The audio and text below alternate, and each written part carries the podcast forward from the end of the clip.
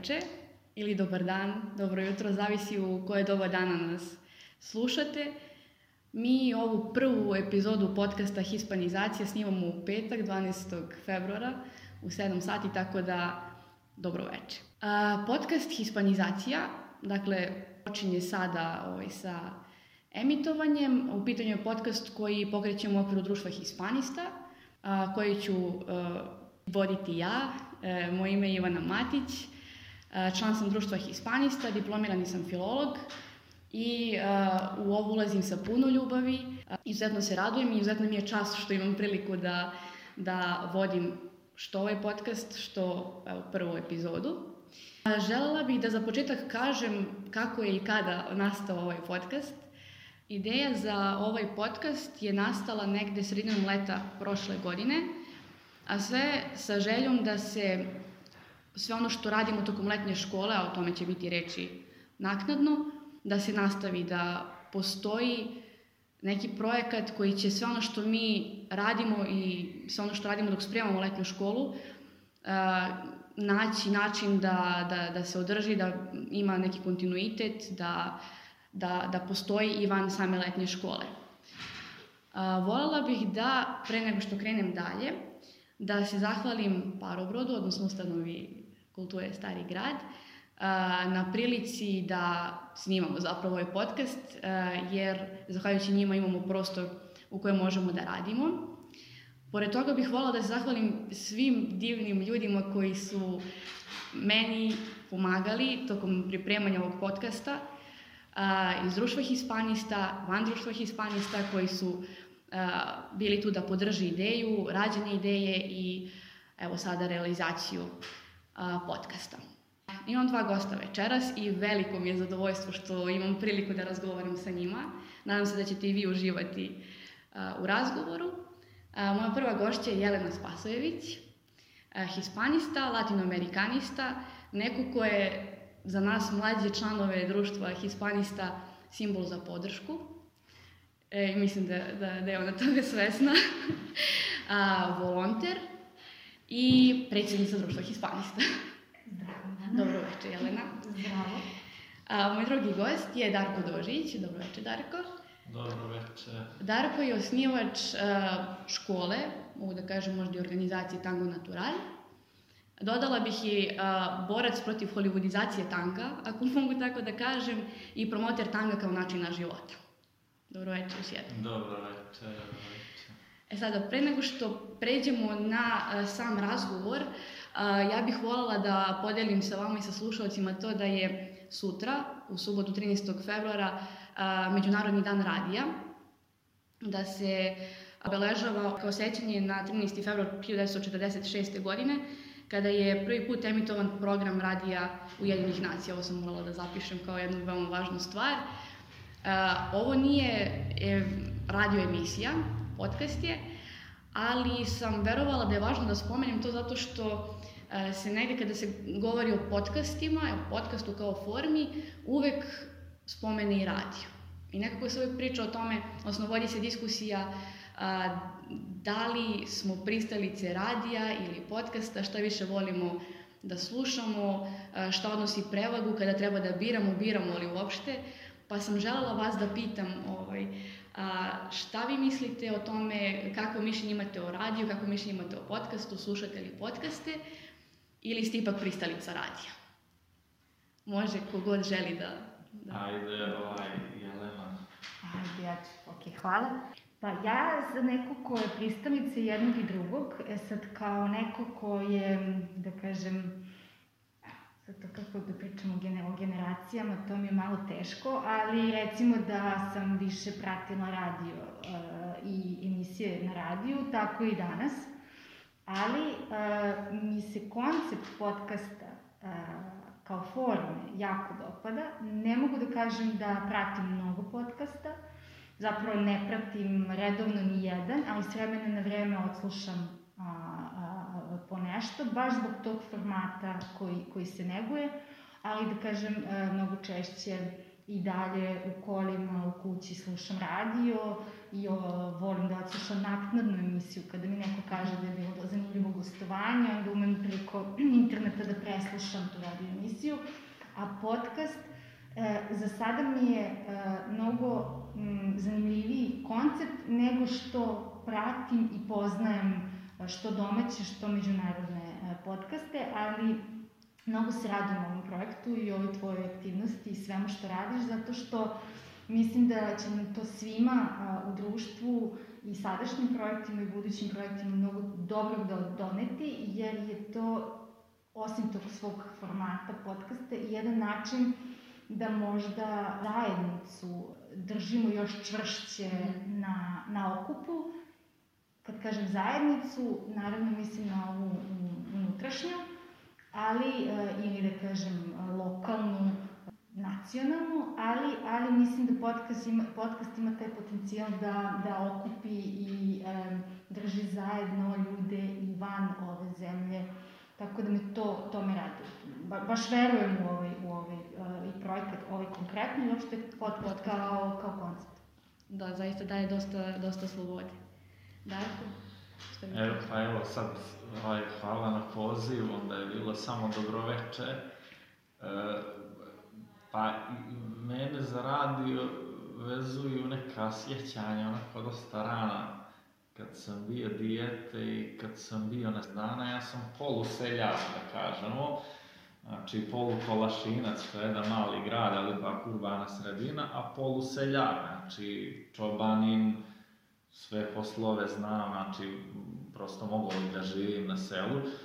Mi nismo imali čak struju tada jer je kuća izolovana, nije se isplatilo nikome da ovaj, ulaže toliko da bi struja došla do naše kuće. Postojalo je ranije pa su pali neki stubovi, tako, tako smo mi imali jedan tranzistor na bateriju i to je bio jedini kontakt sa svijetom. Tako da sam ja tada mnogo oblikovan kroz mnogo vremena u prirodi, mnogo samoće za jedno mlado biće sa životinjama i sa prirodom, sevdalinke pred san, ovaj, i radio emisije, onako od dvije stanice koje je baba tamo stavljala, ja nisam ni birao ništa. I da kažem da se to u mene ucrtalo onako dok sam bio mali i još jedna važna stvar, utakmice koje na radiju zvuče mnogo uzbudljivije. On tamo lopta ide ko zna gdje, možda neđe oko centra, ti stalno imaš osjećaj da će da bude gol ili koš ili šta li. Ovaj, tako da, e, posle toga je pauza sa radijom i ja recimo ne gledam TV i tako malo sam tu specifičan, a podcaste sam otkrio, da kažem, nedavno, kako su oni sve popularniji, sve više mojih prijatelja ili ih vode ili učestvuju u njima i vidim veliku koncentraciju kvaliteta i ovo što kaže Jelena, na neki način pokušavam da ih inkorporiram u život. Mm -hmm. Ja ih vidim kao nešto relevantno, moj život je već dosta pun, ja sad treba da nađem način kako da ih koristim.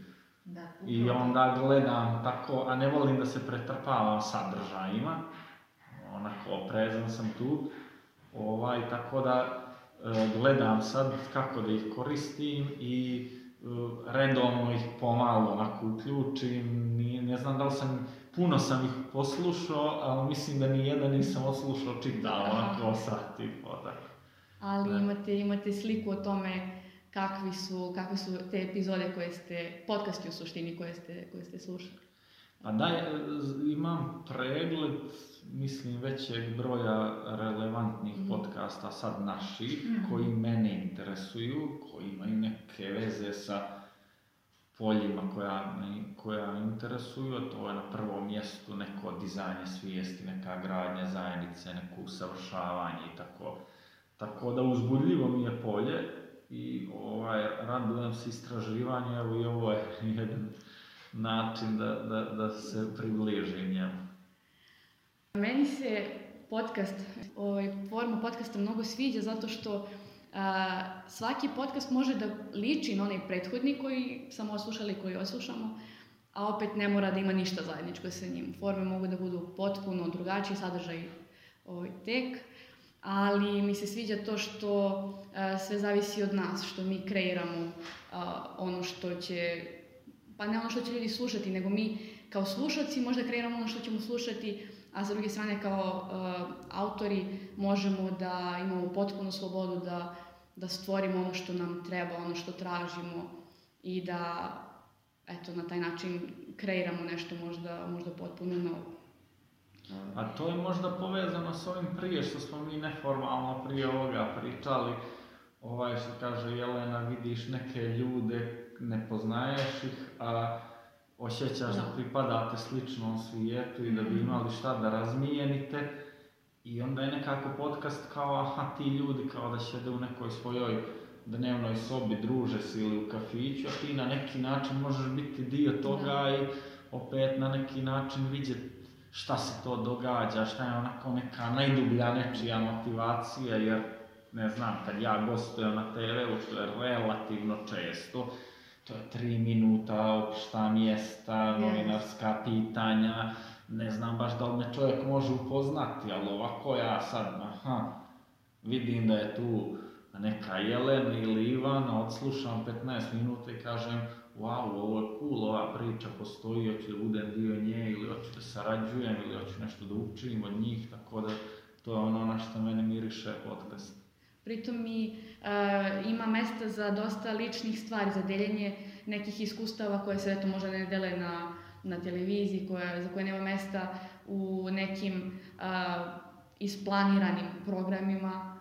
Verujem da je to i, i činjenica da možemo da čujemo priče koje spontano nekako dođu u tim emisijama, da čine da se povežemo sa ljudima koji, koji pričaju, koji su se...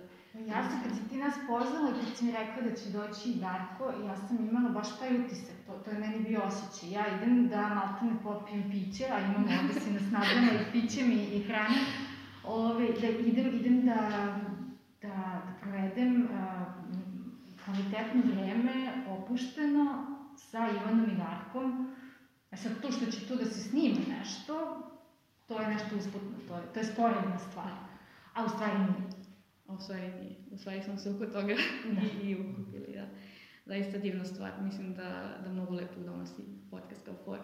Pa vidjet ćemo sad kako će to sve da prođe, ali ovaj, najvažniji je ovaj osjećaj koji imam, a to je radost što ću da se družim sa Ivanom i Darkom. A sad ako podcast uspe i drugi ljudi Ovaj, Ali njih ipak sada zovnemo, lajk, lajkujte, šerujte, pošaljite.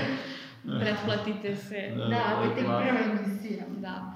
E, iako je prva emisija, evo ja bih iskoristila priliku da, ovaj, da pozovem uh, ljude da nas dele. Uh, ne znam gde ćete nas slušati, ali uh, Instagram, YouTube, uh, za sada vidjet ćemo koje, će, koje ćemo platforme još koristiti, ali kada god da nas slušate, delite, ukoliko vam se sadržaj dopada, naravno, lajkujte nas, pratite nas. Dobro, e, sada bih voljela da mi pričate o vama. Voljela bih da čujem nešto o vama. Jelena o tebi i Darko o vama. O tebi.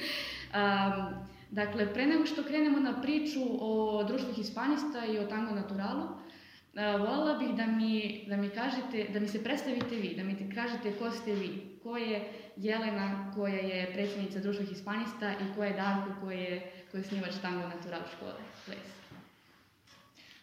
Počinješ sa najtežim pitanjem. E, egzistencijalizam. Da, čisto. Ko sam ja, zašto smo, da. zašto smo ovdje, yes. šta je svrha života. Ja mislim da sam ja tebi jednom rekla kako sam se postidela, ovaj, jer sam um, to je bila prva letnja, međunarodna letnja škola latinoameričkih studija i ovaj, radili smo promociju uh, knjige 200 godina uh, filozofske misli Latinske Amerike i bio nam je gost Horacio Ceruti i bili smo u službenom glasniku i sad to je bio povod što su došli novinari i ovaj, zašto smo se okupili i nakon uh, tog zvaničnog dela, gde je bilo dosta novinara, bilo je stvarno dobro pripremljeno od strane organizatora i nas, i sve to bilo odlično, profesor Čiroti zadovoljan, Trivo Inđić presrećan što se upoznao sa, sa profesorom. I da krenem uh, zadovoljna, presrećena, novinar, a, više se ne sjećam koja je bila novi, a, novina u pitanju, i kaže, možete molim vas da samo sednemo malo da popričamo, Ti je rekao, da, izvolite misleći, jel, došli smo zbog knjige, profesora i tako. A onda me on pita, ja bih da popričamo malo samo o vama. Ko ste vi, šta vam je moto, šta vas pokreće i tako. I onda je to bio... To je sad ono što um, od 2008. od kad to naše društvo postoji, uh, ja uvek gledam kroz društvo i koliko god da sam lično uključena u, u organizaciju, tako uvek pričam u množini. Ne zato što je to korporativno ili organizacijski prihvatljivo, nego uh, zato što u to verujem. I onda stalno gledam kroz perspektivu grupe, zajednice, ljudi koji čine društvo i nikad se nisam, osim sama sa sobom, uh, uh, nisam govorila o sebi javno I ovaj, ja sam se, ja, ja sam se prestrašila u tom trenutku, ja prosto nisam, nisam znala, ja sam samo bila zbunjena, potpuno nekako nepripremljena, ne poznajem čoveka, nisam mogla u trenutku ni da se sredim, ni da se otvorim.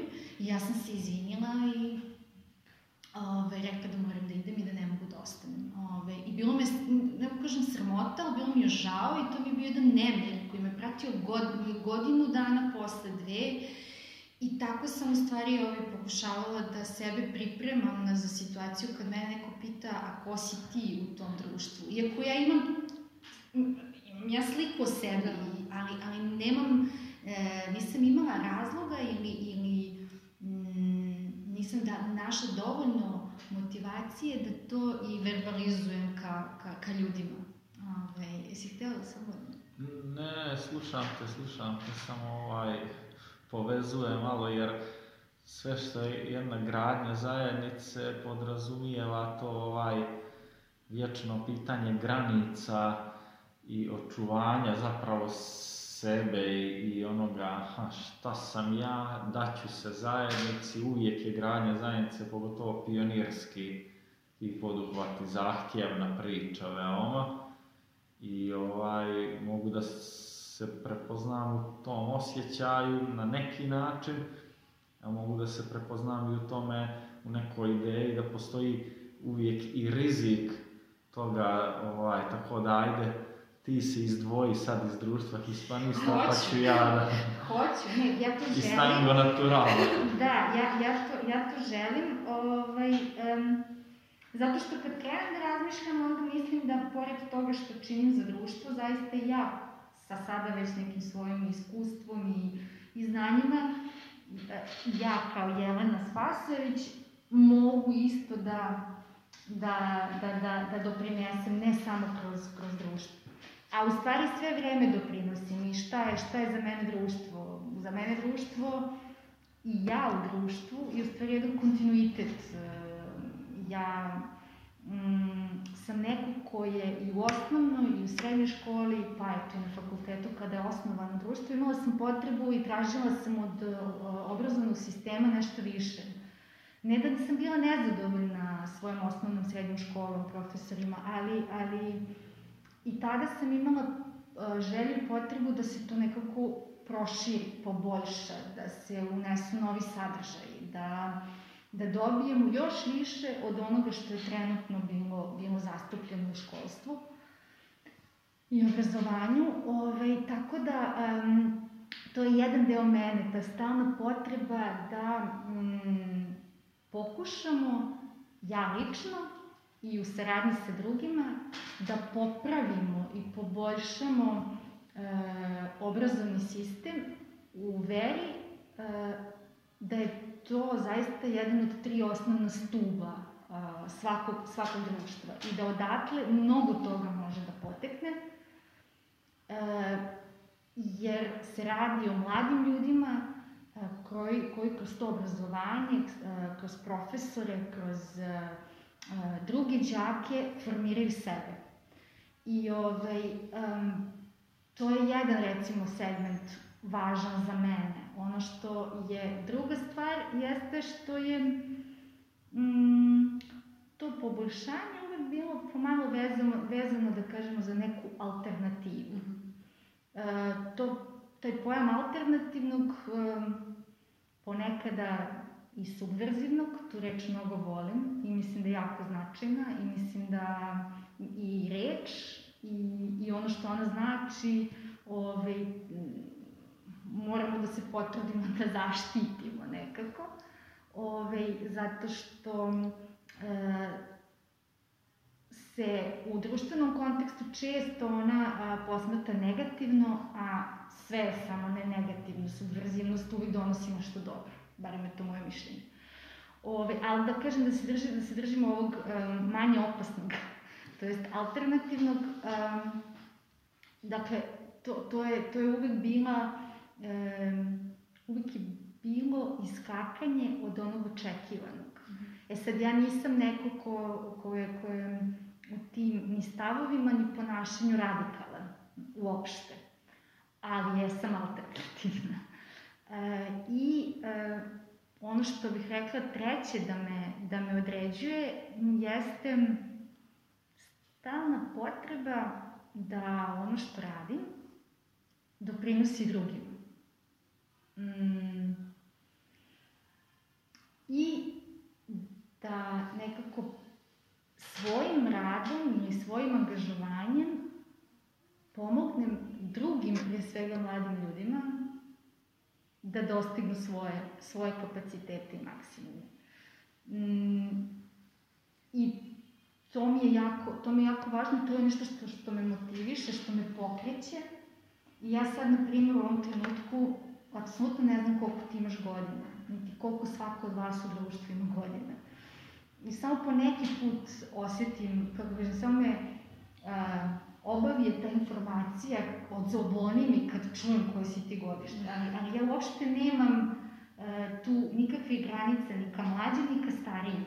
I imam prijateljicu koja ima 86 godina, ali zaista mi je prijateljica, nije mi baka. Mislim, ne, neka kažem baka, nije mi ni neka tamo profesorka, tako je počela kao profesorka engleskog, ali mi smo sada prijateljice. I tretiram je isto kao moju, moju drugaricu iz, iz vrtića ili, ili, ili škole. Tako da, e, rad sa mlađim od sebe i rad za njih, da oni, ukoliko prepoznam njima a, potencijale, da oni mogu da lakše, jednostavnije, brže se ostvare i, i dostignu te, te svoje potencijale. I eto, recimo da bih tu stala, to su neke tri, tri tačke, ovaj, pa sad kad budemo možda pričali o društvu, mogu, mogu dodatno da, da, da kažem ovaj, još par stvari, opet vezano o tome ko sam ja. To je ozbiljna motivacija i ozbiljna, a, ozbiljna misija. A, Darko? Šta bi ti Da, pa evo, kao što rekao, teška pitanja postavljaš odmah na startu. Evo, ajde da napravim kontinuitet s ovim prije što sam rekao. Ja sam, znači, čovjek iz prirode, seljak, koji je e, na taj način postoji meditativan, to jest nekako veoma rano se povezao sa samim sobom na jedan način koji je hajde možda i opet i stariji, alternativan, zapravo bi on mogao biti mainstream u jednom srećnom društvu. Veoma rano sam počeo da čitam neke knjige koje imaju veze sa ličnim usavršavanjem, koja, e, koje bi ovako išlo na neku liniju koju ljudi zovu, da kažemo, duhovnost ili nešto između duhovnosti, psihoterapije, svega nečega što ima veze sa istraživanjem samog sebe. Da sam upisao političke nauke, pa sam nekako tu ideju lične promjene počeo da širim na jednu širu sliku i ovaj, e, sagledavanje ideje društvene promjene. Aha, kako se ja mijenjam, kako da se mijenja društvo.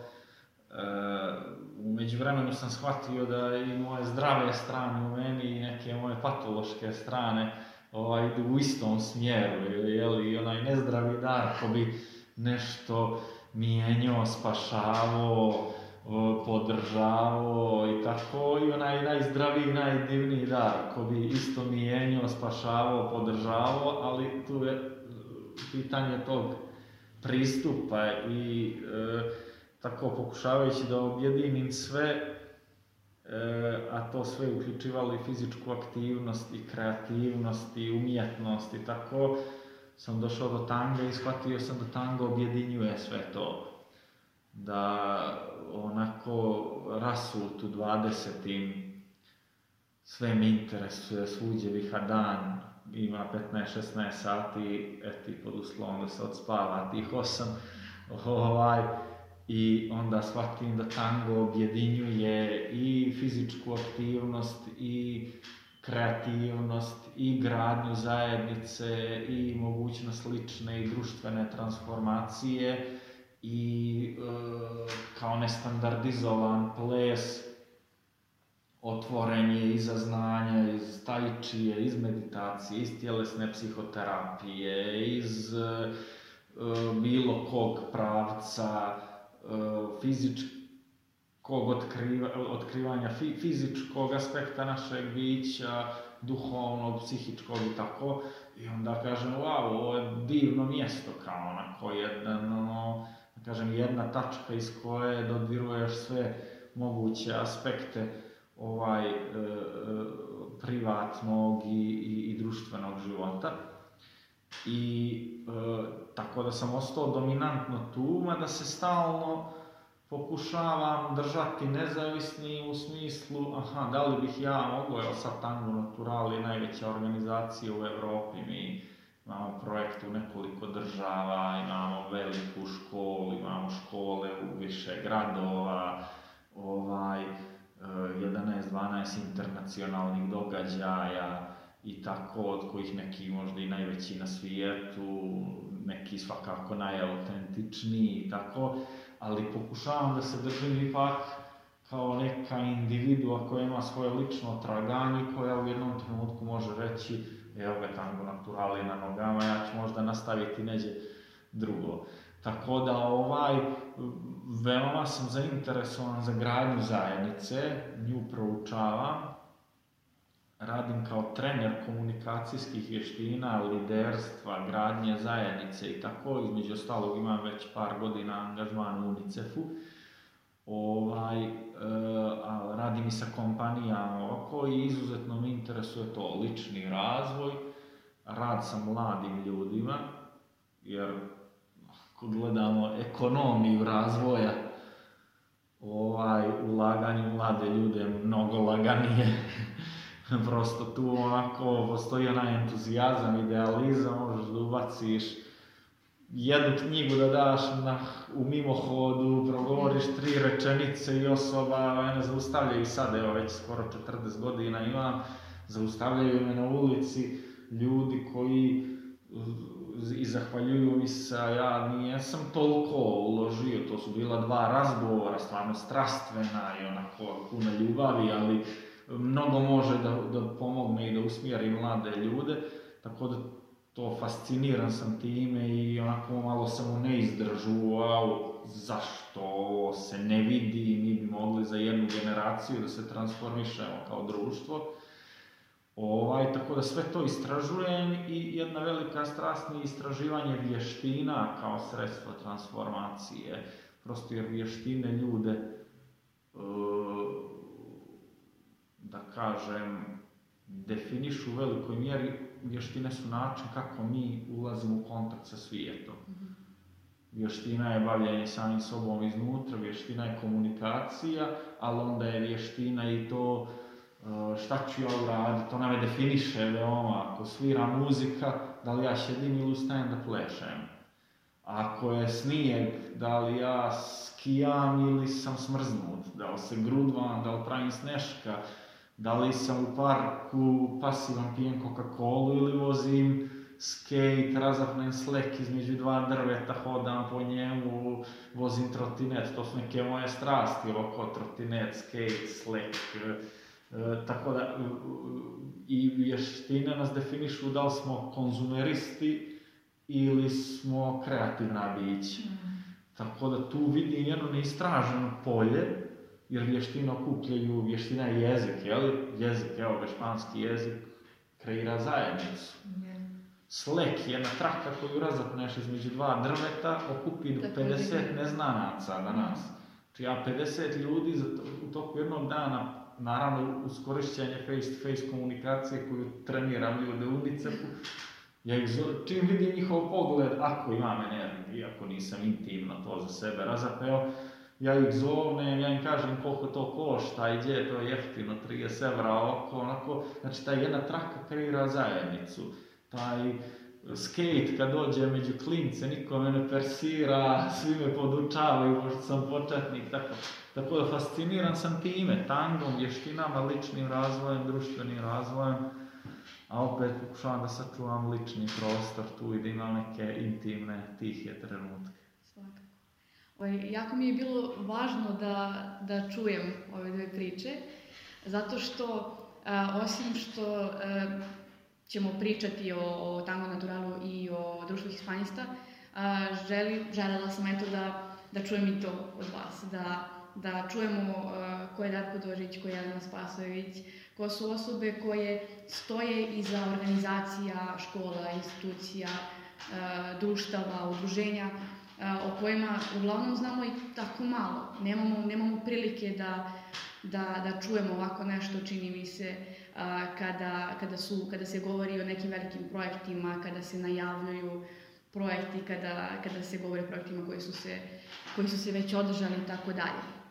A, Ovo je se dok, dok ste pričali, ne znam da li ste primetili, a, u stvari da, primetili ste, znate, ovo, iskoristili reč alternativno, alternativa. I a, ja sam nekako ka tome išla, o tome nismo ranije, nismo pre, pre snimanja ovaj, a, podcasta pričali, ali sam ja nekako to imala kao ideju ovog razgovora. A, čini mi se da, ne čini mi se, ovaj, verujem da je tako da, a, ovo je vodite organizacije koje su uh, izuzetno alternativne, koje nude neki alternativni pristup, alternativni pogled na svet. Uh, Društvo hispanista nije uh, udruženje koje okuplja hispaniste i uh, pruža nešto što se može naći u bilo kojoj drugoj zemlji. Nema, uh, nema možda koncept koji imaju društvo i udruženja u nekim drugim zemljama, nekim drugim mestima, možda u Srbiji. Tako čini mi se da i tamo naturalno nema, nije to škola tanga samo kao što si Jelena već rekla, nije to samo tango, to je sve, samo ne samo tango. Ovo, tako da, čini mi se da je alternativno možda glavno kada, kada govorimo o, o školi i, i, o, i o društvu. Mada ne znam da li govorimo samo o školi ili o organizaciji tango natural. Pa, i- ja volim da kažem kad me neko pita ovaj, neđe pogotovo ako je neko fancy društvo, onako da liječim svoj ego kad me pitaju a čime se ti baviš, ja kažem ja sam instruktor tanga.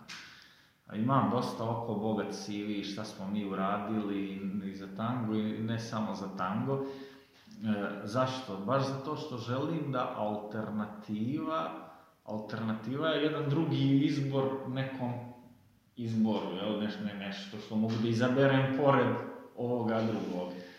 Mm, A ne mora biti e, nešto što je obavezno rizično, Da. Čudno, e, možda malo ludo ili onako zastranjuje neđe. E, ono što mi zovemo alternativom, ja mislim, evo, Jelena može da me ispravi, je zapravo e, pozivanje ljudi da se vrate njihovim najdubljim potrebama. Dakle, ono čime se mi bavimo je kontakt između dva ljudska bića. Kreativnost, zabava, kreativna, svjesna, e, gradnja zajednice, onda ta zajednica unutar sebe će i da planinari i da, naravno nije zatvorena, može se priključi kogod hoće. Tango kamp u Kovašinu koji je transformisao potpuno to moje rodno mjesto i stavio ga na drugo mjesto po posjećenosti u ljetnjoj sezoni, dobio nagrade i tako 20 dana, to je Tango Woodstock. Tu je i streličarstvo, i joga, i meditacija, i razni kreativni sadržaji za klince, planinarenje, penjanje, vožnje bicikala. Dakle, da li smo mi alternativni? A Da li je čudno raditi e, najprirodnije stvari, ja bih volio da te stvari budu prva opcija. A da je onda Da. alternativa toj prirodnoj, ljudskoj prvoj opciji da sjediš u smrtonosnom trouglu couch frižider TV, što bi rekao Zoran Predin, i da, da eto, alternativa zdravom razumu bude ono što zapravo sad radi 90% ljudi. Tako da eto, Tango Naturalija, da kažemo, mnogo više od škole Tanga, jedna organizacija, zajednica, društveni pokret, ima i svoju biznis dimenziju koja je neophodna ovakvim pričama da bi mogle da, da, da pariraju. Ali uh, i prosto ne želimo da bježimo od nje, zato što mi ne možemo, ono što, nama, što je meni imponovalo i mi, mi nismo, mi smo bježali od toga godinama, a onda kad smo shvatili da hoćemo da to etabliramo, mi moramo da budemo konkurencija svim tim jakim igračima. I moment kad je naš festival završio u hali 3 Beogradskog sajma, gdje je prethodno bio Mercedesov štand, a posle toga sajam građevine, to je za mene bio jedan znak da smo tu alternativu uspjeli da stavimo neđe na neku scenu i da je ponudimo kao jedan normalan izbor. Mm, Jeste, ne, Tango Natural je upravo primer uspešan, primer kako je moguće spojiti i alternativno, i komercijalno, i edukativno, i filozofsko, i sve to u jednoj organizaciji. I veliko je to umeće koje niko nema, nego vremenom se razvijaš ti, pa razvijaš i organizaciju, sad i splet nije samo splet srećnih okolnosti, da ti nešto želiš i na nečemu radiš, pa onda na to dođe i malo sreće, da imaš ljude, kao što verovatno ti imaš u svom okruženju, bliske saradnike koji, koji, koji, koji uh, žive isti, uh, istu ideju. Tako je i što se tiče društva, koje je nastalo 2008. kao mm, mm, organizacija koja je, odnosno skup ljudi u tom trenutku, koji, koji su želeli nešto da promene na, pre svega na našem fakultetu, su bili nezadovoljni skučenim izborom mogućnosti tokom studija španskog jezika na, na, filo, na Filološkom fakultetu u Beogradu.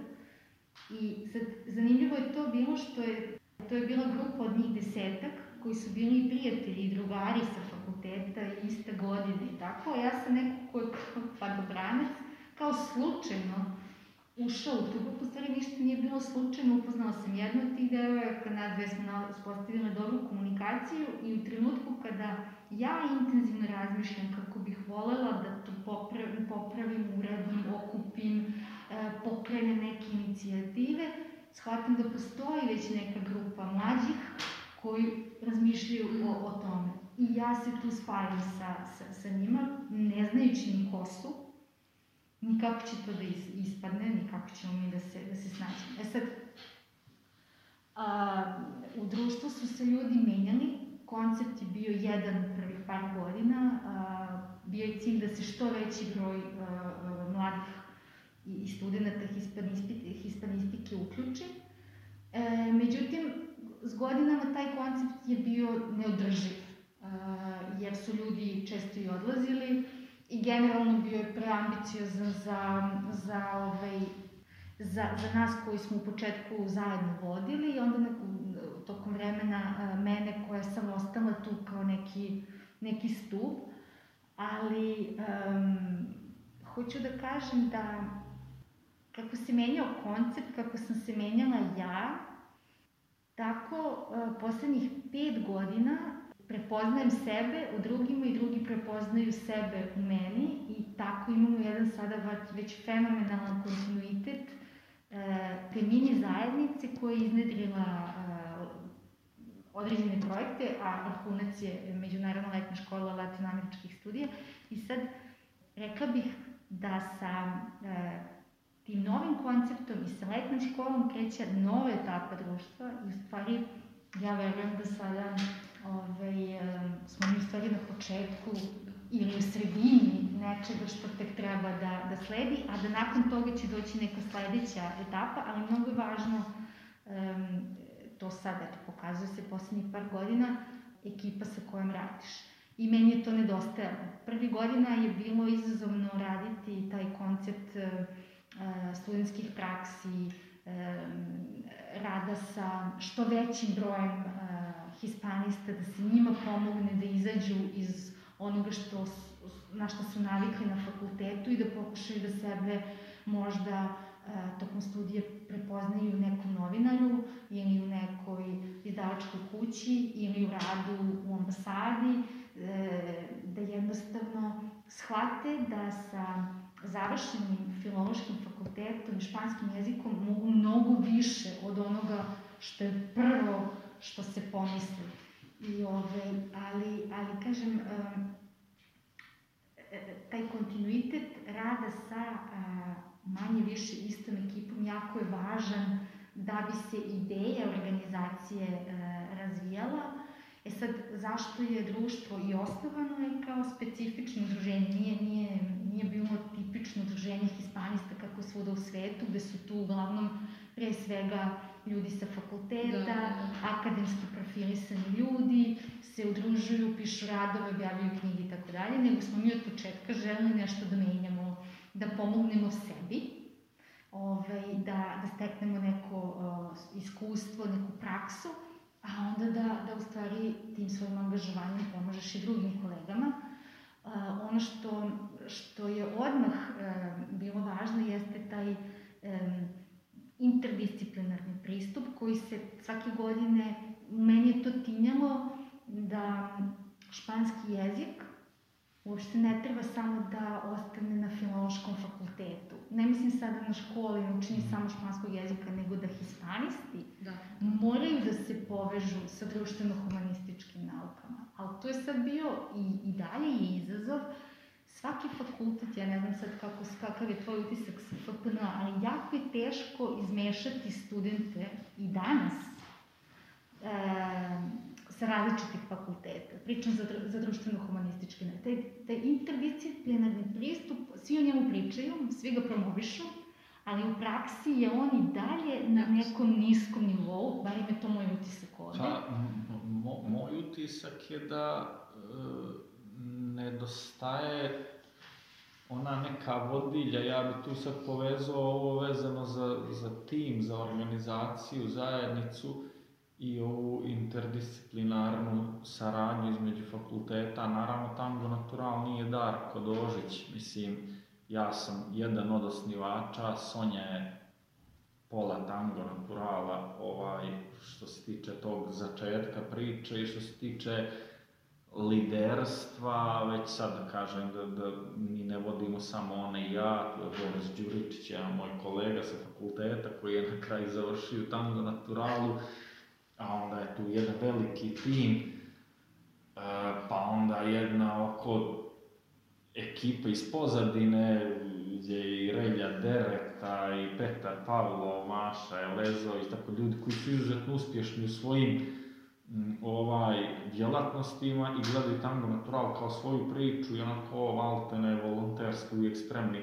da podrže. Zašto ja sad ovo pričam povezano sa, sa ovom temom interdisciplinarne saradnje?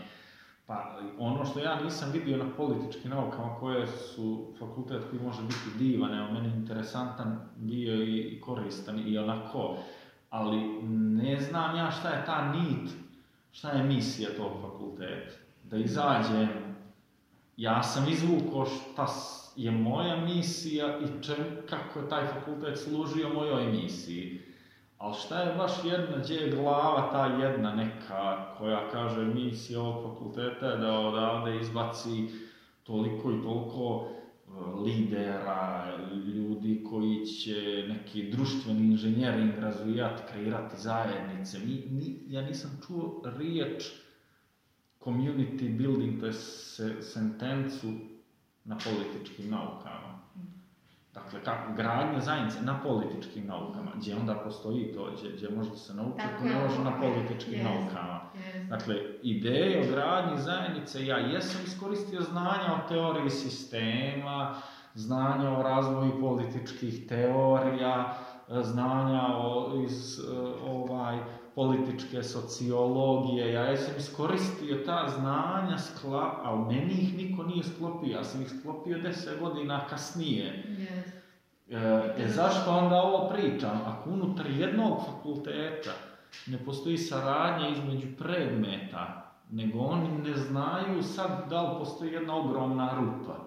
Evo ja sam popunio ovo moje, ti si popunila ono tvoje, ovaj ovo, ali kao da se niko nije onako digo jednim balonom iznad 15 metara i rekao ljudi super pokrili ste vi to, ali ste ovo pokrili tri put, a ovamo vam je pet rupa Azijapi. Ovaj, I pored svega političke nauke su meni izuzetne, mnogo su me oblikovale, sreo sam divne ljude, naučio važne stvari, ali šta bi mogle biti političke nauke? I onda tek kad bi one bile znale gdje one idu, ovaj, i kad bi e, filološki fakultet znao gdje on ide, onda bi oni možda mogli da se sretnu.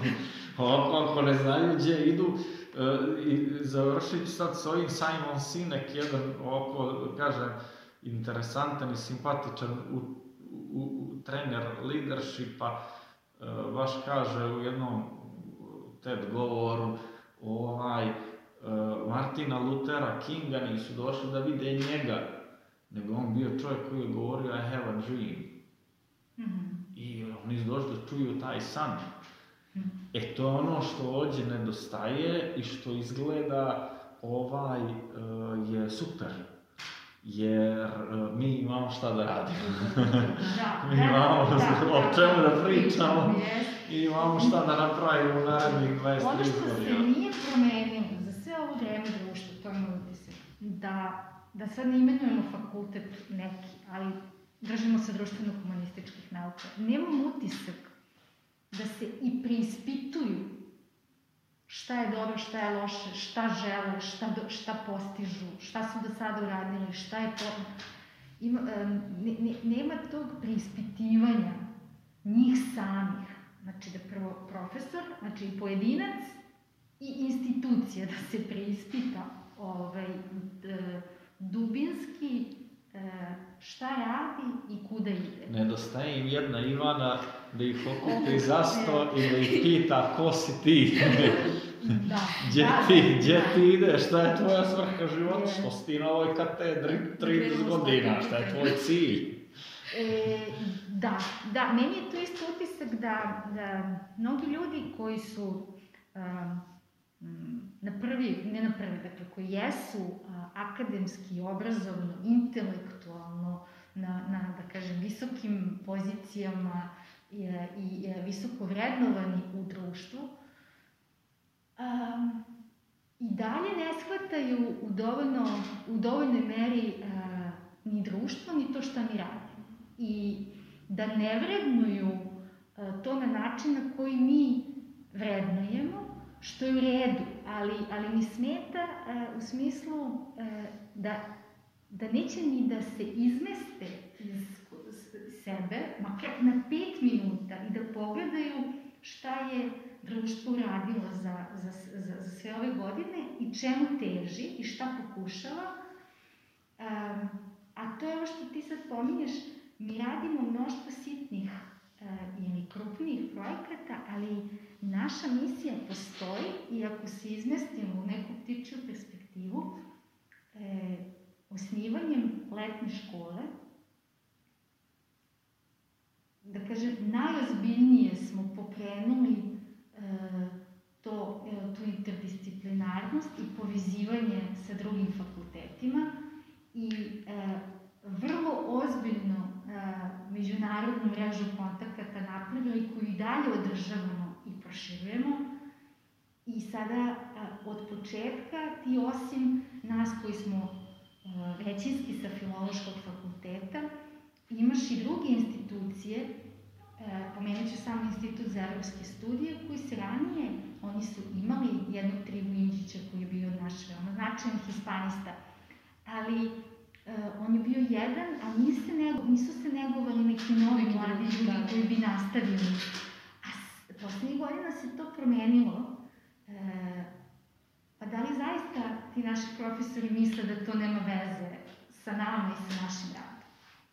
Da li zaista misle da nema to nikakve veze osnivanje Iberoameričkog centra e, na fakultetu u Novom Sadu? Naravno da nismo samo mi, ali to je saradnja i to jeste direktan rezultat našeg rada. To su sve važne stvari da se sada formiraju na tom Institutu za evropske studije hispanijske i na Institutu za, za filozofiju i društvenu teoriju. E, dakle, oni su negovali i dalje, ali to su sve važni momenti za budućnost hispanistike kod nas i to i tekako ima veze sa onim što ti ja i svi naši prijatelji i drugari u društvu radimo poslednjih godina.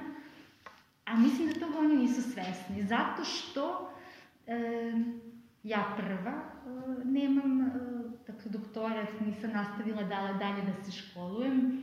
E, m, od dakle, među nama ima ljudi koji su sada otišli na doktorski, koji će se, nadamo se, vratiti ili neće, ostaći u vezi sa ovom zemljom i koji će pomoći razvoju hispanistike, ali ovaj, e, moraš da ispuniš nekakve forme Mhm.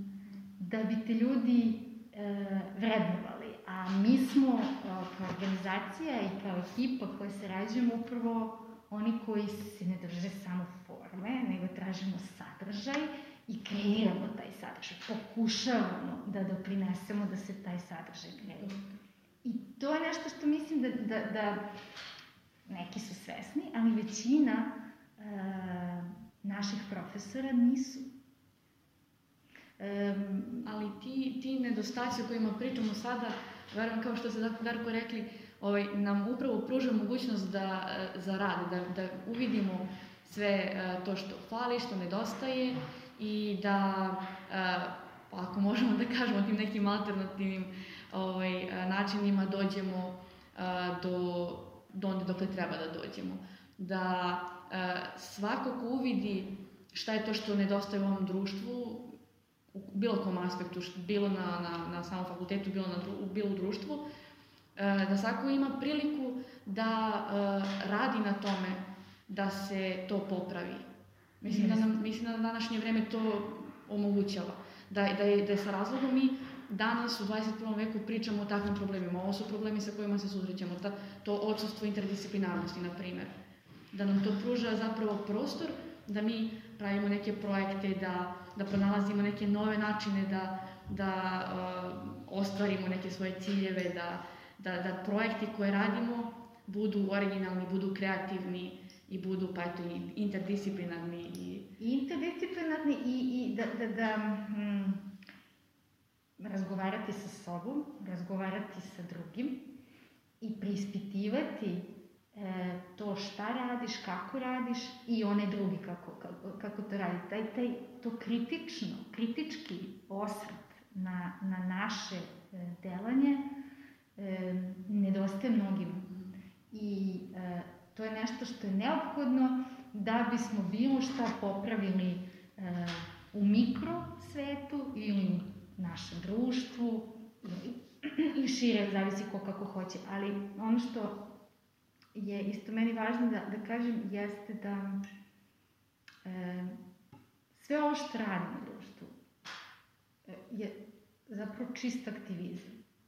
E, ja bih htjela još više, pošto me tište i, i, i da kažem, to sam napisala, čini mi se, kod tebe, da kao jedan komentar, komentar o već godinama za mene nema druge ideologije do ekologije, ali i kroz društvo ja pokušavam, i ti vrlo dobro znaš koliko, koliko želimo da ekološke teme i a, političku ekologiju uključimo kao temu na našu letnju školu, što će se desiti ovaj, ovaj 2021. godine, da, da imamo nekog a, a, značajno, zna, da imamo značajno ime iz tog domena, iz Latinske Amerike. Latinska Amerika je tu sad, no, možda skačem na temu, ali jeste inspirativna, ima jako dobre primere. Ovaj, um, tako da, m, ja sad pokušavam da kroz rad u društvu i angažman tamo, uključim i te neke teme e, koje se tiču aktivizma u nekim drugim oblastima, ali sve to, sve to vrlo moguće povezati. Pa. I to je opet novi nivo interdisciplinarnosti, izvini. Pa ja, ja mislim da je poenta sad kad pričamo o svemu ovome, da ne bi zvučalo nekome preabstraktno, kaže, gle, ovi izbave nekom interdisciplinarnošću, jede li se to, čemu to, šta će to meni, ovaj, što bi ja slušao sad ovaj uh, podcast, a to me vraća uh, na onaj moment u kojem sam se prepoznao kad si rekla ovaj ne mora hispaniste ili neko ko završi španski jezik da završi kao, ne znam, profesor španskog i tu se priča završava. E, stvari su podijeljene u discipline prinudno, zato što mi moramo malo da napravimo neke sobe da bi se znalo, aha, ovdje se uči srpski, matematika, španski ili bilo koji predmet u osnovnoj, srednjoj školi, fakultetu, ali stvarnost nije podijeljena stvarnost nije uopšte onakva kako smo je mi podijelili. E, I zbog toga je uspješniji onaj ko vidi integrisanu stvarnost. Šta to znači? Da ja sad to banalizujem i dovedem na ovaj na najprimjenjiviji nivo i savjet studentu španskog koji sluša ovaj podcast e, otvori e, druže ili drugarice kafić koji će e, biti sa motivima hispanokulture, koji će ponuditi nešto autentično, koji neće biti Hollywood, Mac e, ili neka, da kažem, mainstream priča, dakle, ponudi nešto skroz autentično, a to isto autentično e, e, je nešto što možeš povezati sa mnogo vrijednosti različitih, mnogo plesova potiče iz te kulture ili je dopunjeno, inspirisano, zaokruženo njome, mnogo izuzetnih mislilaca, e, čitava jedna boja ovom svijetu se pridodaje kroz španski jezik. E, ja vidim ga, zato što identiteti su problematična stvar. E, zašto, zašto skačem na to sad u ovom trenutku? Zato što mi na Balkanu veoma osjećamo koliko je bolno, koliko bolnih stvari izlazi iz na jedan način interpretiranih e, identiteta koji su onako suprostavljeni nekom drugom. Ali ako uzmemo identitete, šta ja mogu iz srpske istorije, iz hrvatske istorije, iz albanske istorije da izvučem univerzalno vrijedno? E šta onda ja mogu da uzmem iz hispanokulture univerzalno vrijedno? Koja je to boja španskog jezika? E, šta on to donosi u naš život ako je engleski recimo jedan poslovni jezik, e, jezik uma, razuma, racija, E, da li će možda španski biti jezik srca, koji je onako, da kažem, unosi nam i svijet zagrljaja i plesa i neke muzike koja budi neke posebne emocije u nama. Hoću da kažem, tu se zapravo krije u toj širini razumijevanja e, i hispanizma i e, ovamo recimo političkih nauka za koje su se meni ljudi sažalijevali kad su vidjeli da sam e, osnovao školu tanga, ja bio si dobar student, baš šteta što ne radiš ništa u struci. A mi gradimo zajednicu, ej, praviš društvo, praviš, praviš državu, praviš uh, organi jedan za drugim, praviš ono, bukvalno yes. jedan organizam po definiciji ova jednog političkog tijela, a kolege koji su, koji imaju te titule, koji imaju to dođe i sažalivati. Pa šta si ti, gdje si bio godinama, kako ti ne vidiš šta je ovo? E, tako to, to, to je, to je zapravo upravo, taj moment. To je, to je, to je upravo to što, što, što Darko, Darko govori, što ti ne ilaziš na, ili na preke, ili na tužne, sažaljive poglede nekada za, zbog toga što radiš, Ali u stvari to što radiš je toliko vezano za to što si studirao i, i toliko je povezano i ima smisla. I ovo što Darko kaže, krajnje praktično, ja i dalje verujem.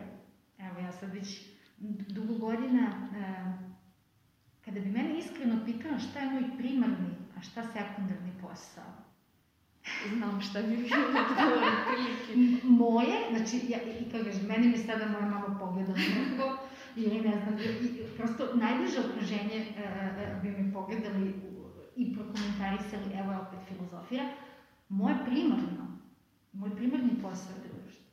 Ali, ja a, do sada nisam uspela da, a, da kažem, i privređujem, zarađujem kroz to društvo. E, to je zadatak. Ja mislim da sve, upravo zato sam prije pomenuo naš festival i biznis dimenziju. Ja sam se pravdao godinama, ali kad mi neko priđe i kaže dobro vi ovo razvijate, odličan je ovo biznis. Ja kažem ne, ne, ne, ne, ne, ne, ne, ne, nije ovo biznis, nije ovo biznis. Mi smo bili ogromna organizacija sa mnogo događaja, a sastavljali smo kraj sa krajem. Jer smo mi bježali od ideje. Mhm. Znači, mi smo bježali od ideje i ja se osjećao krivim ako od nečeg tako lijepo poput tange zaradim. I onda sam radio na uvjerenjima psihoterapeutski se razvio i razumio da je zapravo zadatak naš, nas svih koji gradimo zajednicu na ove alternativne, da kažemo, načine koji će jednog dana biti glavni, ovaj, da nađemo ekonomsku održivost u, u, u toj priči. Da, ja, ja, ja, ja i dalje verujem um, i zato i pominjem sad ovaj kontinuitet od poslednjih pet godina, ja i dalje verujem, čvrsto verujem da će uskoro, i to uskoro, iako se sad to ništa ne vidi, doći moment da, da ćemo mi biti uh, finansijski održivi i, i da, ću, da, da ću ja i mi u ekipi dobrim delom živeti od toga kao nešto, nečega što će i finansijski biti primarno. To do sada nije bio slučaj. Ja sam uvijek imala posao koji je donosio novac ovaj, i od koga se živelo, a ovo je bilo, da kažem, u, u, u okruženju nešto što se gledalo kao sekundarno. Ali ako mene, mene neko lično pita, meni je ovo zapravo primarno.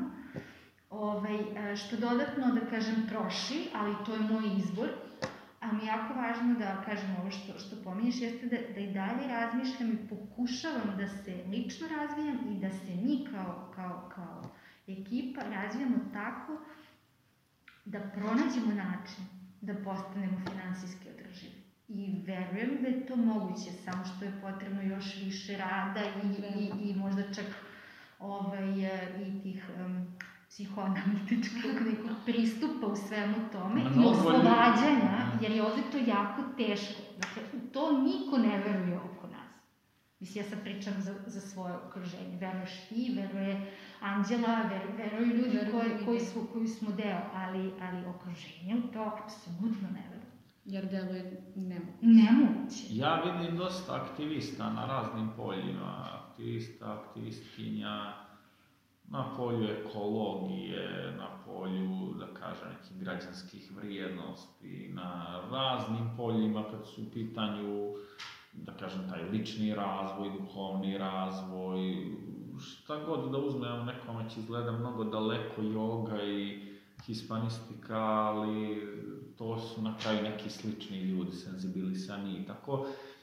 E, taj strah od ove poslovne dimenzije i to pravdanje i izvinjavanje kad god se pomene neki novac i ja kao izliječen od te, ovaj, vakcinisan od te teme, imam veliku potrebu da svima pričam koliko je to važno, koliko tek tada e, mi možemo zapravo uliti jedno novo gorivo u razvoj tih priča i ovaj, ja već to je interesantno, ja sam u tom mom djetinstvu koje je bilo dijelom na selu, a, a dobrim dijelom u gradu, se stalno bavio biznisom. Mi smo skupljali stripove, iznajmljivali ih, mi smo pravili e, ovaj, oružje, praćke, puške na čepove prodavali i iznajmljivali bicikle. Nismo stalno bavili biznisom. Onda kad sam ušao u ove neke stvari, pokupio se taj društveni moment da je to sramota, da ja moram se, da se pravdam. Promjena je mnogo važna, ja već vidim vaš kafić, vidim koncerte koje organizujete dovodeći muzičare iz, iz ovaj, eh, iz, iz, iz tog polja, da kažemo, da kažemo Španija, Latinska Amerika i tako, ili makar oslonjene na te motive. Festival koji može biti zasnovan na tome, brendovi, prehrambeni, odjevni, koji s druge strane možda nisu brza moda, nego su alternativniji. Znači, već tu, ako bi se stavilo na papir, biznismen u meni razmišlja kako taj aspekt može podržati onda ove druge aspekte, jer evo ga, kafić je kuća društva hispanista, jel? Može da, bude... Ta ideja, kao, mislim, no, veliki deo onoga što si sada rekao je nešto čemu se promišlja godinama unazad. E, pokušavamo i na trenutke i da da zatražimo čak i pomoć i da razgovaramo sa ljudima iz te biznis sfere, da nam malo pomognu, jer za sada u ovoj, da kažem, e, podeli e, nismo na e, još uvijek put, ali ja, ja, ja, ja u njega čvrsto verujem, ja od toga ne, ne odustajem, stvarno ne odustajem, pogotovo kada znam ko je, ko je sve sa mnom. I onda to ti da još veći motiv da, da se trudiš, Ove, ovaj, ali um, E, možda, možda, možda samo još malo nam treba možda pomoći ili, ili razgovora sa ljudima koji imaju više iskustva da, da, se, da se pronađe ali kafić, kuća, mm. a, mesto gde će, gde će upravo ovo što ti govoriš, sve to, da kažem, o tome se razgovaralo ili razgovara s vremena na vreme, ali nekako nisu se otvorila još vrata, ali krčka, ja, ja, ja verujem da, da, da se to onako krčka negde ovaj, u pozadini? Mislim da je najvažnije za sve ovo čemu pričamo možda m, strast. Strast prema, prema onome čemu se posvećujemo, prema e, i čvrsta, čvrsta vera da u, u to da je moguće, ali strast pre svega. Jer mislim da, da je strast ta koja nam omogućava zapravo da, da verujemo to da je moguće i ono što se ljudima oko nas čini nemogućim, jer možda ne osjećaju tu Pa stra, strast je nešto što i ta ljubav prema ovome što mi radimo, to je nešto ti omogućava da e, mnogo dugo radiš besplatno. A ako možeš mnogo dugo da radiš besplatno, onda ti možeš da radiš, sama riječ kaže, na duge staze. E, rad na duge staze e, je nešto što su u politici naziva strateškim pristupom. Dakle, pristupom koji je suprotan onom danas ulovim da imam da jedem i ne znam šta će biti šutra, daj mi danas 100 evra, bolje danas 100 evra nego za nedelju dana 1000 evra, što je mentalitet našeg naroda. Nešto po čemu se mi substantivno razlikujemo od švajcarca, u nekim stvarima smo sigurno bolji, baš u ovom hispan momentu u nama ovaj, smo bolji, ja želim da to sačuvamo, ali recimo jedan švajcarac, meni je bliska prijateljica, se bavi biznisom tamo, a porijeklom iz ovih krajeva, ona kaže, društveni ambijent je takav da, da ti ne moraš da učiš iz knjige, nego si ti samim rođenjem i slušanjem ljudi oko sebe do svoje desete godine naučen, da stvari uspijevaju tako što u njima ostaneš deseta godina i one onda se zaokružuju i ulaze u novi krug, vraćaju ti, ti gra... I to nije nešto što ti moraš da slušaš seminare i da ti neko otkriva kako biznis plan funkcioniše i šta je period neki ulaganja i kako funkcioniše, nego ti živiš u ambijentu koji tebi to ulije u tvoje gene.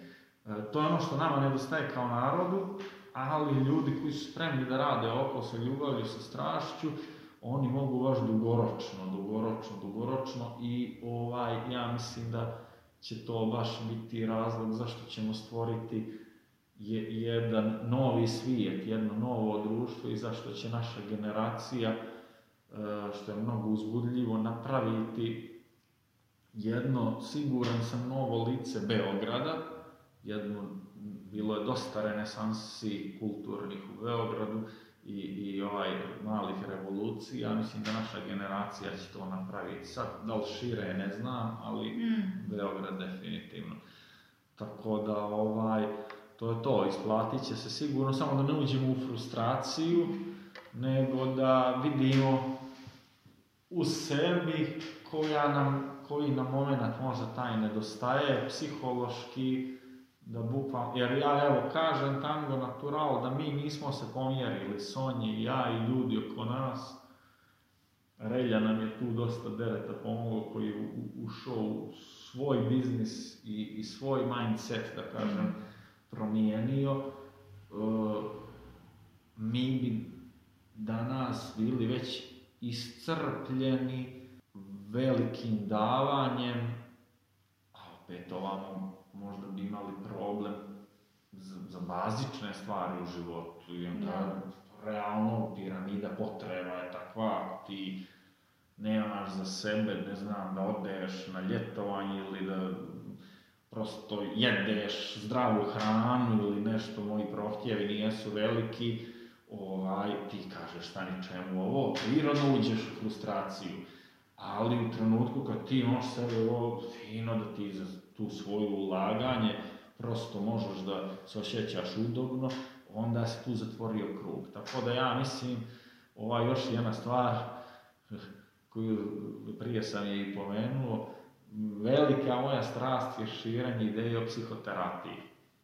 Ja trenirajući ljude u, u UNICEF-u i ove moje u Tango Naturalu i bilo gdje ljudima u 20. godinama kažem obavezno na psihoterapiju. To je najveće biznis ulaganje i životno ulaganje koje možete imati. Znači tebi jedna sesija može da pomjeri dasku u glavi zbog koje ćeš postati milioner. Ti si dao 20-30 mhm. evra. Da a možda mjesec dana rade ili, ili jedna sesija od tebe pravi bukvalno na sve tvoje kapacitete, dodaje samo još tu jednu aplikaciju koja te čini poslovno održivim i finansijski održivim. E, tako da, ova, eto... ne, te mogućnosti su stvarno ne, ne, nedokučive. Ne, ne, ne postoje granice, samo, samo što toga nismo, nismo svesni, stvarno. Um, kada si pomenuo za mladog hispanistu, uopšte za mlađe ljude, e, mnogo mi je važno da kažem da to što smo angažovani, evo sa konkretno sve to u društvu hispanista, prvo taj rad, taj aktivizam, to što ne meriš sve kroz novac, to je najpre jedna ogromna sloboda. Drugo, to ti daje ovo što je Darko rekao, mogućnost da strateški e, gradiš zajednicu, ideju, promovišeš svoju misiju, misiju organizacije i tako dalje. Mene ta vrsta aktivizma i sve to što smo radili, mene to obnavlja. Koliko me troši, toliko me, toliko me obnavlja.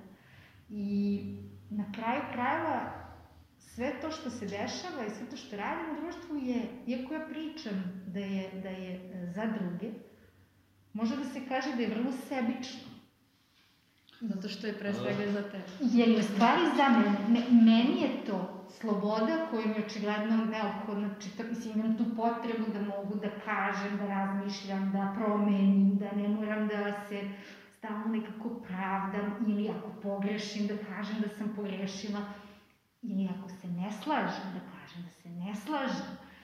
I obrnuto da čujem zašto se nekom drugome ne sviđa nešto što sam ja uradila, da, da, da, da, da imamo dijalog ali dijalog koji je, koji je argumentovan. I, um, kažem, možda, možda je to zapravo u stvari vrlo, vrlo sebična stvar. Možemo to i tako da gledamo, jer meni je to nešto što, što me vraća i me, sebi i obnavlja mi energiju.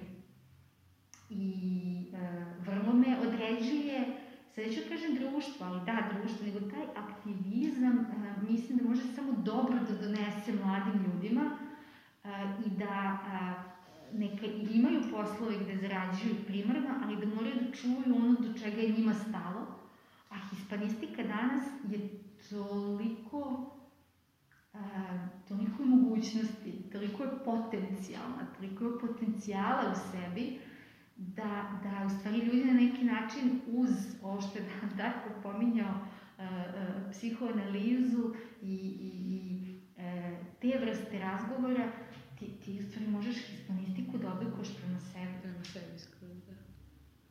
Samo, samo moraš, moraš da, da je pristupiš otvoreno, da budeš otvoren za, za drugi uticaj.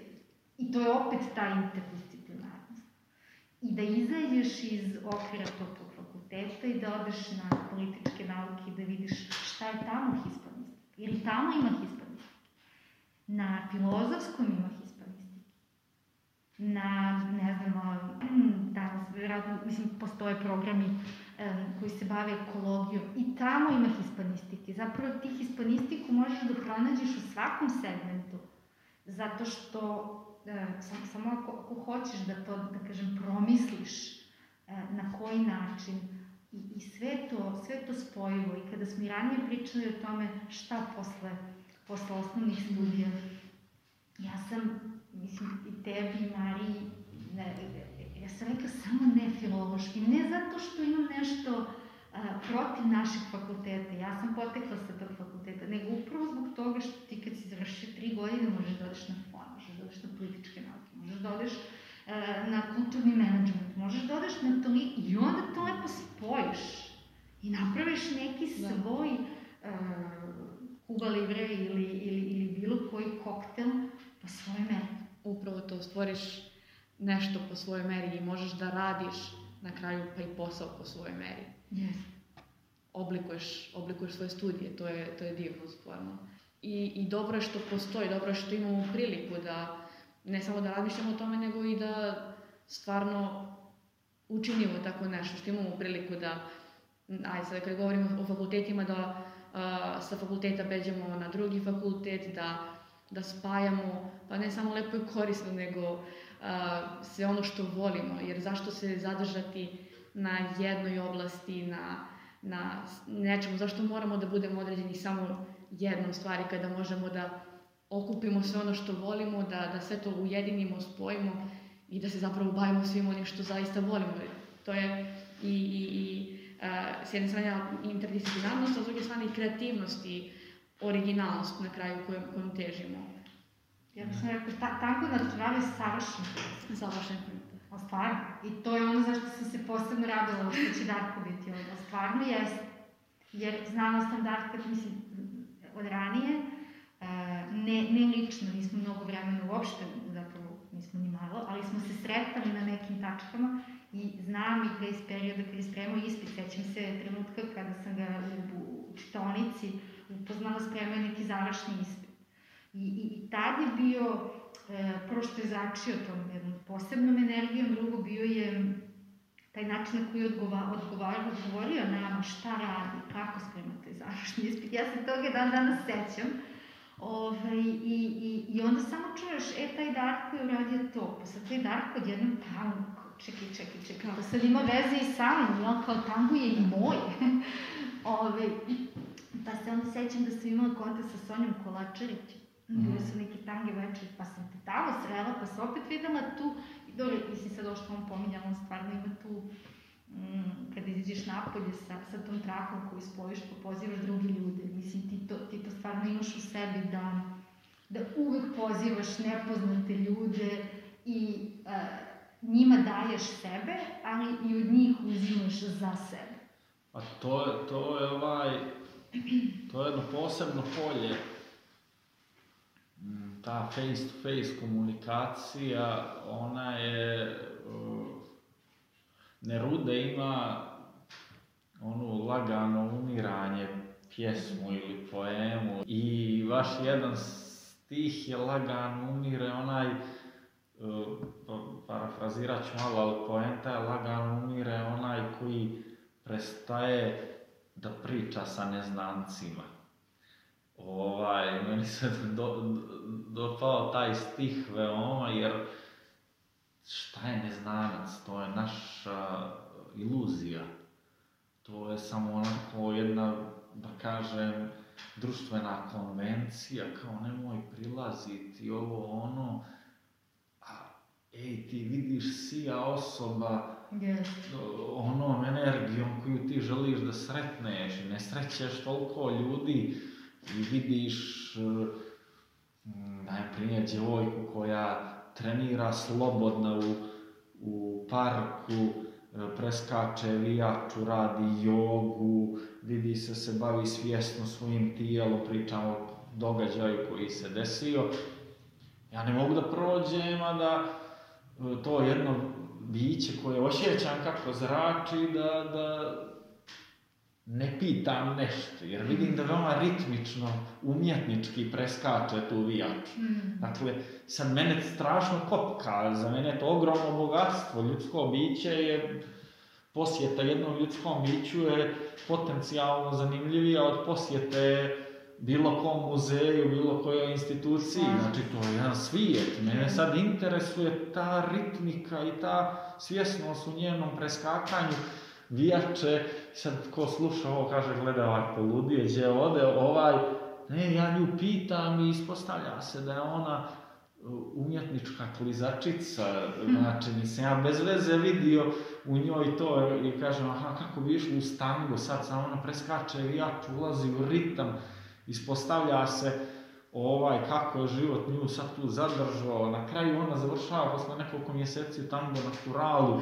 neki naši ovaj, instruktori i đaci završavaju kod nje u školi klizanja, što će reći učimo jednu novu vještinu, širimo svoj svijet, e to je taj face to face. Iz tog jednog mog prilaska se desilo mnogo toga. Iz jednog prilaska UNICEF-ovog fejsera, osoba koja nikad ne bi ništa naučila o misiji UNICEF-a nauči. Zašto? Zato što ta vrsta komunikacije probija društvene balone. Dakle, na Facebooku algoritam određuje šta ćeš vidjeti. Mm. Jel? Znači, ono što lajkuješ jedno 15 dana, ti potpuno si zatvoren u svom svijetu. Nećeš nikad vidjeti tango, nećeš nikad vidjeti društvo hispanista, nećeš nikad vidjeti klizanje, nećeš nikad, ako si konzument u svom životu, dajem primjer, iskakat će ti patike, iskakat će ti ono, donesi glovo, ovo ono, Netflix, ništa protiv Da. tih platformi, ali ako ti je to čitav život, ti si konzument, ako ti je to samo dio života, ok. I sad sa tim jednim momentom koji je ovo probijanje tih balona, odjednom osoba saznaje nešto o tom svijetu. E sad, možda ne može to svako, možda nije svako rođen za to, ali moje iskustvo je da isto ovako nadograđujući svoje moći, čak i ako nam zvuči čudno, e, mnogo brzo može se desiti ta promjena. Ja kako treniram njih u UNICEF-u, dođu ljudi koji ne može strancu da kaže dobar dan, a na kraju radi izuzetno taj posao. Mm. Dakle, to je kao na jedan 20. godine, Mm. koje su isto moja fascinacija jedna, 20. godine su vrijeme u onom filmu kad glavni junak sreće od kvarta do kvarta svoje saradnike, super junake, stiče moći, da sad ne idemo u agresivnu priču, da ne pričamo o pištoljima, onome, ali mi u 20. stičemo te moći, ta znanja.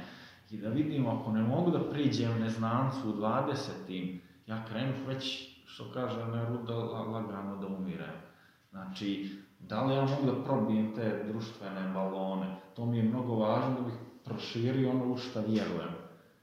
Da bi mogao reći I have a dream, To je jako. jer kako će ljudi koji sanjaju isto što i ja biti sa mnom ako oni ne čuju mene kako govorim I have a dream. Znači, da li ja, da li ja krijem svoj san, ja moram da ga kažem. I tu je onda bazična vještina, vještina komunikacije, suštinska. A mi pričamo ovaj, ovdje o, o, o jednom jeziku, Mm. jel? Mm. I to o, zapravo o dva jezika, o, o španskom jeziku i o tangu kao jeziku tijela. Tako da sve to ne, neraskidivo i, i, i ovaj, i izuzetno važna stvar. To, to, o, da upoznaš spontano neku osobu, da te barijere, to, to, to je zaista toliko dragoceno i možda je to jedan od razloga što e, sam prihvatila lakše činjenicu da sam jedinica. Smatram, e, s jedne strane sam nekako tužna, jer mislim da e, imati brata ili sestru je jedna, jedna ogromna ljubav za koju sam na neki način uskrećena i e, postoji ta izvesna doza samoće koja i kada sam sa puno ljudi ja osjećam taj, e, ne, nekada da me ta samoća Dobro večer. Moramo da se rastavimo.